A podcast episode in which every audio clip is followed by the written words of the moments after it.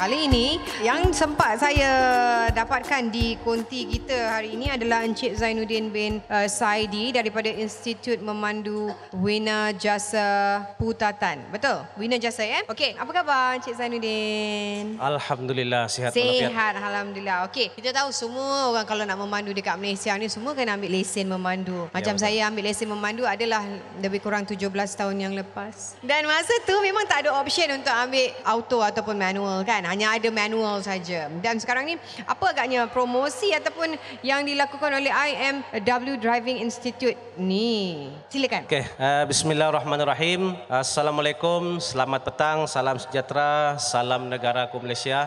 Salam sehati, harap-harap selepas ini akan sejiwa. Okey, terima kasih uh, di atas peluang dan ruang yang telah diberikan kepada pihak IMW Putatan untuk bersama-sama dengan tuan-tuan pada petang ini yang mana Institut Memandu Wina Jasa Putatan adalah salah satu institut memandu yang telah diiktiraf dan salah satu institut memandu yang boleh mengajar untuk uh, pelbagai lesen termasuk kelas seperti mana yang telah diwar-warkan tadi iaitu pada masa sekarang ini kita dibagi pilihan untuk ambil lesen auto. Okey. Mm-hmm. Untuk uh, promosi, promosi uh, Institut Memandu IMW Putatan pada masa sekarang ini berbagai kemudahan lah.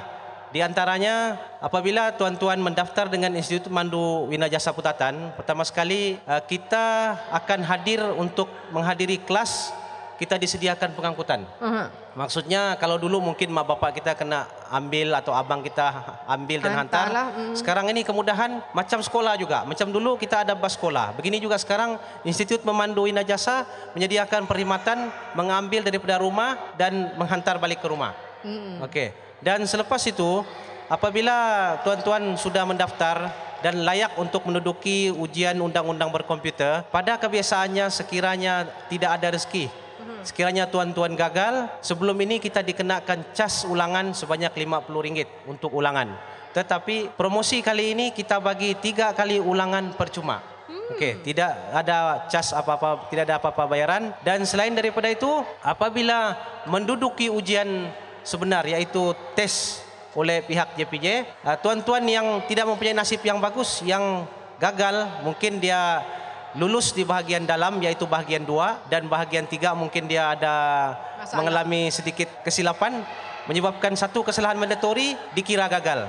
Okey, sebelum ini bila gagal kita kena buat ulangan untuk lesen manual kita kena bayar RM200. Okey Ah, manakala selepas uh, promosi ini kita akan dibagi percuma ulangan sehingga lulus oleh Ah, JPJ. Tak kisah berapa kali Ah, tidak kisah berapa kali. Okey. Okey, sekarang ni kita nak tahu juga kan sebenarnya biasanya jarang institut memandu ni uh, memberi peluang juga kepada orang lain untuk membuat side income. Ah dan Okey, sekarang ni ada ada ada ke yang macam mana nak kita nak bagi peluang kita nak cakap on the business side of of institut ke, kelas ataupun institut memandu ni sebenarnya ada juga me, me, memerlukan ejen Ya, ya, ke? betul, betul. Ah macam mana ceritakan sikit tu. Okey, uh, untuk uh, peluang-peluang kepada orang ramai ialah zaman sekarang ini kebanyakan orang mungkin dia ada satu dua side income. Okey, dalam Institut Mandu ni pun salah satu perancangan yang kita boleh buat yang mana tidak perlu cerita dengan orang lain termasuk diri saya sendiri. Sebenarnya ini merupakan salah satu saya punya side income. Hmm. Okey, side income saya yang mana saya telah berkecimpung dalam bidang ini lebih kurang lima tahun, Okey. mencecah enam tahun. Okey, jadi untuk menjadi salah seorang pengajar di Institut Mandu ini, pertama sekali ialah kita kena ada minat. Betul. Sebab apapun pekerjaan ini sekiranya kita tidak minat, walaupun ramai orang cakap benda ni ada side income lumayan tetapi kalau tidak ada minat mungkin kita tidak akan uh, cuba. Dapat buat, ya. Okey. Yang kedua, kita kena jujur sebab dalam apa-apa program pun apa-apa urusan uh, dengan kejujuran tu kita akan berjaya. Dan yang ketiga, kita kena amanah lah. Yes. Sebab dalam kita berurusan ini ada perkara-perkara yang kita tidak boleh dedahkan termasuklah identiti orang yang Privacy ah, lah. privasi orang lah. Mm-hmm. Okey, dan untuk syarat-syarat minima pula, syarat-syarat minima apabila tuan-tuan ingin menjadi salah seorang tutor, sekurang-kurangnya memiliki lesen memandu yang sah Okey. melebihi lima tahun. Maksudnya kalau baru habis P, mungkin baru tahun ketiga. Uh-uh. P dua tahun, tahun seterusnya mungkin akan sambung setahun, mungkin baru tiga tahun. Mm-mm. Jadi untuk tiga tahun masih belum layak lagi lah. Kena tunggu lagi dua tahun. Mm. Maksudnya dia akan kira eh, lima tahun memiliki lesen termasuk dengan P dua tahun. Maksudnya P itu dipanggil PDL dan kompeten itu Mm-hmm. uh, CDL. Okey, jadi uh, siapa-siapa yang lebih macam saya pun boleh jadi trainer lah sebenarnya kan.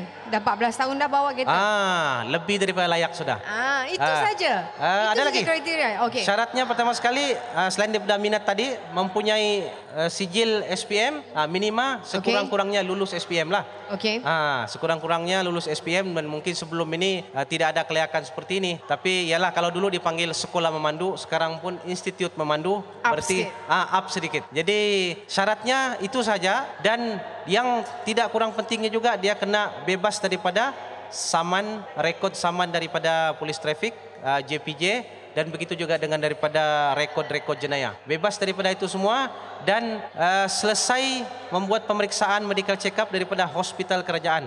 Okey. Hospital susah kerajaan. Dia kena orang yang betul-betul sihat sebab bukan apa. Apabila menjadi seorang guru ni, menjadi seorang tutor, hari-hari dia akan berjumpa dengan Orang. pelanggan. Mm-mm. Nanti pula kita mengajar orang sihat sedangkan kita sendiri tidak sihat. Mm-mm. Contohlah ada penyakit yang mudah berjangkit. Hmm. Ha, nanti masa mengajar mungkin boleh berjangkit. Ya, sakit pula klien kita. Ah, bukan Ah. dia datang dapat lesen, dapat juga lesen tapi dapat lagi sampingan yang kita tidak maulah.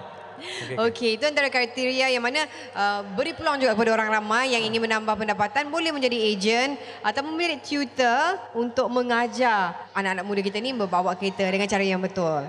Uh, Okey, dan dan juga sebenarnya kalau kita tengok dari segi bisnes institut memandu ni makin lama makin banyak sebenarnya. Sebab sekarang kalau kita tengok kat jalan pun makin lama makin banyak kereta. Selalu jam je kan. Kalau dekat Kuala Lumpur tu jam dia memang pening kepala. Balik kerja dengan nak pergi kerja memang akan jam. Sebab sekarang ramai orang boleh memandu, semua orang memiliki kereta. Macam mana sebenarnya Encik Zainuddin segi tengok pencapaian ataupun perjalanan institut memandu yang ada sekarang di Sabah khususnya macam mana? Ramai banyak tak um, institut memandu? Okey, uh, untuk makluman, uh, kalau di pusat Bandaraya Kota Kinabalu ni, kita ada lima institut memandu lah. Lima institut memandu yang mana tiap satu hari bermula daripada hari Isnin hingga hari Jumaat, uh, pihak uh, JPJ akan membuat ujian tes JPJ. Maksudnya untuk mendapatkan lesen. Ini menunjukkan bahawa di Bandaraya Kota Kinabalu ni setiap hari, setiap hari satu institut memandu akan berjaya mendapatkan lesen untuk beberapa puluh atau mungkin ratusan pelajar. Jadi dari masa ke semata berarti dalam satu hari, eh satu minggu, berarti Isnin sampai Jumaat kita mem- mempunyai lima kali tes, lima kali tes dan kadang-kadang atas permintaan yang begitu tinggi sehingga ada institut mandu terpaksa memohon budi bicara dengan JPJ untuk mengadakan juga ujian pada hujung minggu yaitu pada hari Sabtu. Dan ini sering berlaku. Ini menunjukkan bahawa kesedaran daripada orang awam bahawa betapa pentingnya lesen memandu itu memang sangat tinggi. Sebab kalau saya ingat zaman-zaman kita dahulu uh, kita sudah ada yang sudah di alam persekolah eh, su- sudah di alam pekerjaan baru mula ambil ambil lesen. lesen. Tapi tren sekarang ini apabila cukup umur 16 tahun yang mana kita faham bahawa untuk ambil lesen motosikal 16 genap umur 16 tahun. Bermaksud tingkatan 4. Ya. Ha, jadi tidak heran sekarang ramai pelajar yang sudah mempunyai motosikal untuk Pergi ke ke sekolah, sekolah. ke sekolah. Dan begitu juga untuk uh, kenderaan kereta dia genap umur 17 tahun. Jadi pada umur 17 tahun uh, masa itu ada yang sebelum SPM sudah mula ambil lesen dan ada pula ibu bapa yang mensyorkan kepada anak-anak supaya ambil lesen sementara menunggu keputusan SPM. Dan yang paling tinggi peratus sekarang adalah pelajar-pelajar yang menunggu keputusan SPM. Sebab kita faham apabila keluar keputusan SPM ini, para pelajar akan meneruskan pelajaran bagi yang ada rezeki, dia akan belajar ke mana-mana dan dia tidak mengalami kesusahan lagi untuk uh, transport. Mungkin bagi yang berkemampuan, uh, dia akan membeli kenderaan sendiri untuk berulang alik daripada tempat belajar, Belajar. ke tempat tinggal. Jadi kepesatan untuk peluang untuk jadi pengajar itu sangat tinggi dan di Institut Mandu ini sendiri bukan setakat kita sebagai tutor, sebagai pengajar, mm-hmm. sebenarnya dia ada beberapa peringkat. Uh, macam saya sendiri, saya bermula daripada sebagai seorang uh, pengajar memandu mm-hmm. yang mana masa itu hanya mengajar untuk lesen D. Selepas tahun kita boleh tambah ke uh, kelas-kelas yang seterusnya. Con- Contohnya sehingga sekarang ini saya boleh uh, mengajar untuk uh, lesen E lori mm-hmm. dan B full motosikal Okey. 500 cc ke atas dan begitu juga sebagai mungkin tuan-tuan pernah dengar uh, QTI qualification test instructor. Mm-hmm. Ha, yang ini adalah pra ujian. Kalau zaman kita dulu tidak ada. Mhm. Kita buat ujian latihan terus dites oleh JPJ. Dapat lesen terus keluar lesen. Boleh Lulus. macam tu. Cepat. Dulu. Lagi cepat. Sekarang ni kita kena uji dulu oleh Oh. pegawai penguji yang berkelayakan. Mm-hmm. Yang mana pegawai penguji ini itu daripada kalangan kami yang ada kelayakan yang diiktiraf oleh JPJ. Selain daripada itu, tahap yang seterusnya sebagai penceramah. Yang Hmm. mana uh, sebagai seorang tutor dia boleh mengajar, dia boleh menguji dan dia boleh berceramah. Yang mana side income untuk ketiga-tiga ini berbezalah. Maksudnya apabila kita sebagai seorang tutor kita akan dapat imbuhan sebagai seorang tutor. Mm-hmm. Tetapi dalam masa yang sama bila kita sebagai seorang penguji kita akan dapat imbuhan sebagai penguji dan begitu juga sebagai penceramah. Dan Faham. kita juga sering bekerja sama dengan pihak JPJ, pihak uh, JKJR untuk bergerak ke sekolah-sekolah untuk memberi kempen keselamatan jalan raya dan kita akan bagi taklimatlah peluang-peluang ini kepada uh, guru-guru, pelajar dan ibu bapa serta masyarakat. Okey, saya nak tahu dalam masa sebulan akan berapa ramai orang mendaftar untuk belajar bawa kereta atau motor? Okey, uh, biasanya setiap hujung minggu di Institut Mandu Ina Jasa untuk mula-mula untuk mendapatkan uh, sisi ceramah iaitu pada hari Sabtu dan Ahad. Okey. Okey. Purata untuk uh, pendaftaran lesen motosikal ni dia punya jumlah jumlah pelajar yang masuk uh, boleh katakan dalam 60 70 orang Setiap minggu? ah setiap minggu Wow. untuk kereta dan begitu juga motosikal kadang-kadang kita terpaksa hadkan uh, memandangkan kita punya kelas untuk mengendalikan ceramah dan orang yang layak untuk memberi ceramah adalah terhad. Jadi kita kena atur satu jadual. Yang mana jadual itu kita kena ikut bagi mengelakkan pelajar-pelajar yang datang tadi dapat uh, mendapat penceramah yang betul-betul betul ya yang telah ditetapkan oleh pihak JPJ Okey, kalau kata sebulan enam- 600. dalam 60 70. 600 banyak sangat. Ha. 60 70 seminggu. Ha. Seminggu. Jadi kalau sebulan lebih kurang 46. Ya ke? 36. 4 kali 7 berapa? Eh 6 kali 4. 24 lah. Yo, ha, apalah ni semua matematik fail. Okey, dalam 240 pelajar dalam masa sebulan. Seorang berapa average yuran yang perlu mereka bayar? Okey, uh, untuk yuran ni kadang-kadang ialah uh, ada yang sering bertanya call ke Institut Mandu tanya dia terus tanya berapa kos untuk ambil ambil satu lesen. Mm. Contohnya untuk Lesen uh, kereta. lesen kereta mm. uh, bagi yang manual, okey, yang bagi yang manual uh, keseluruhan untuk ambil lesennya 1496 Okey. dan bagi yang auto 1656. Mm-hmm. Lebih kurang beza auto dengan manual 212 ringgit. Sikit je lah. Okey. Mm-hmm. Tetapi apa yang penting di sini, tuan-tuan kena faham bahawa untuk memulakan menjadi seorang pelajar untuk lesen memandu, mm-hmm. untuk ambil lesen ni, yang paling penting adalah permulaan tu. Hmm. Permulaan hanya RM278 ringgit sahaja. Mm-hmm. Yang mana RM278 ringgit ini termasuklah pendaftaran, buku, ceramah, undang-undang ujian undang-undang berkomputer dan pengangkutan pergi dan balik. Jadi 278 ni pula dia tidak akan hangus. Contohnya kadang-kadang ada orang ni sekarang ini dengan kesibukan mungkin ada yang sambung belajar, mm-hmm. ada yang mungkin uh, masa itu baru kahwin lepas itu mengandung pula. Ha, jadi tidak perlu tuan-tuan bimbang sebab untuk 278 ini dia akan hangus apabila melebihi satu tahun. Oh, ada Ha. masa lah maksudnya. Contoh besok setahun hari ini baru lulus undang-undang berkomputer Tak ada masalah. sudah terlepas. Maksudnya dia sudah dapat L. Esok genap setahun hari ini dia lulus undang-undang berkomputer dia boleh buat L sudah. Selepas dapat L pula ada tempo lagi dua tahun. Hmm. Maksudnya selepas dapat L mungkin ada hal-hal tidak dapat dielakkan, mungkin betul-betul faktor keuangan. Mhm. Jadi tuan-tuan tidak perlu bimbang sebab Ada masa dua ada tahun. masa lagi dua tahun. Esok setahun, hari ini baru lulus ujian JPJ. Hmm, tak ada masalah. Tidak ada masalah. Yang pertama tadi pendaftaran tu kita ada tempo setahun.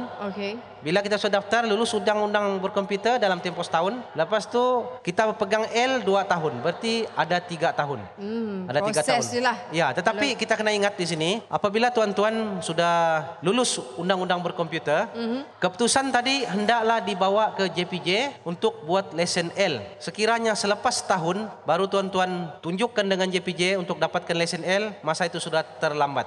Hmm. Tetapi sekiranya tuan tuan hall bulan 1, bulan 11 baru daftar dengan JPJ, masih selamat lagi. Boleh. Ah, boleh. Ah, tapi jangan risau sebenarnya Ah. kalau pergi je dekat IMW Institute uh, Driving Institute ni semua dia akan ajar, dia akan guide sampailah dapat lesen tu. bayar je. Ah, semua semua kena kena kena guide. Ah, semua dia akan uruskan. Yang penting kita bayar dan yang uh, menarik juga di sini dia kata ada empat kali easy installment. Ah. Betul. Ya, ya. Ah, jadi itu satu juga uh, antara promosi yang hebat yang boleh anda check it out. Uh, kalau mana tahu nak buat lesen memandu selama ni pula memandu tak ada lesen. Ada tak orang yang biasa orang ambil lepas SPM kan?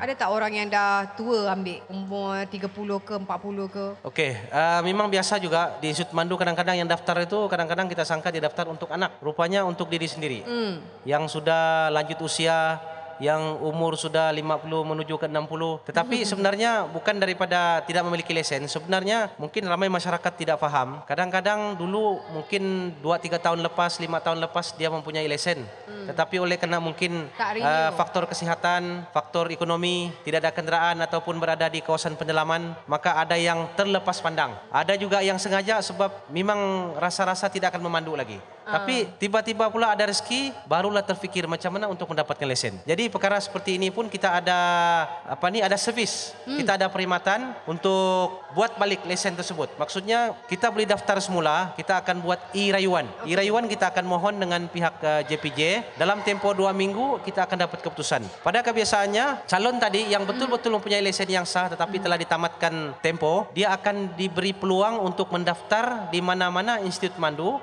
Tapi sebelum itu dia kena hadir ke JPJ, bawa skeping gambar dan surat tawaran daripada uh, JPJ Putrajaya untuk buat L yang baru.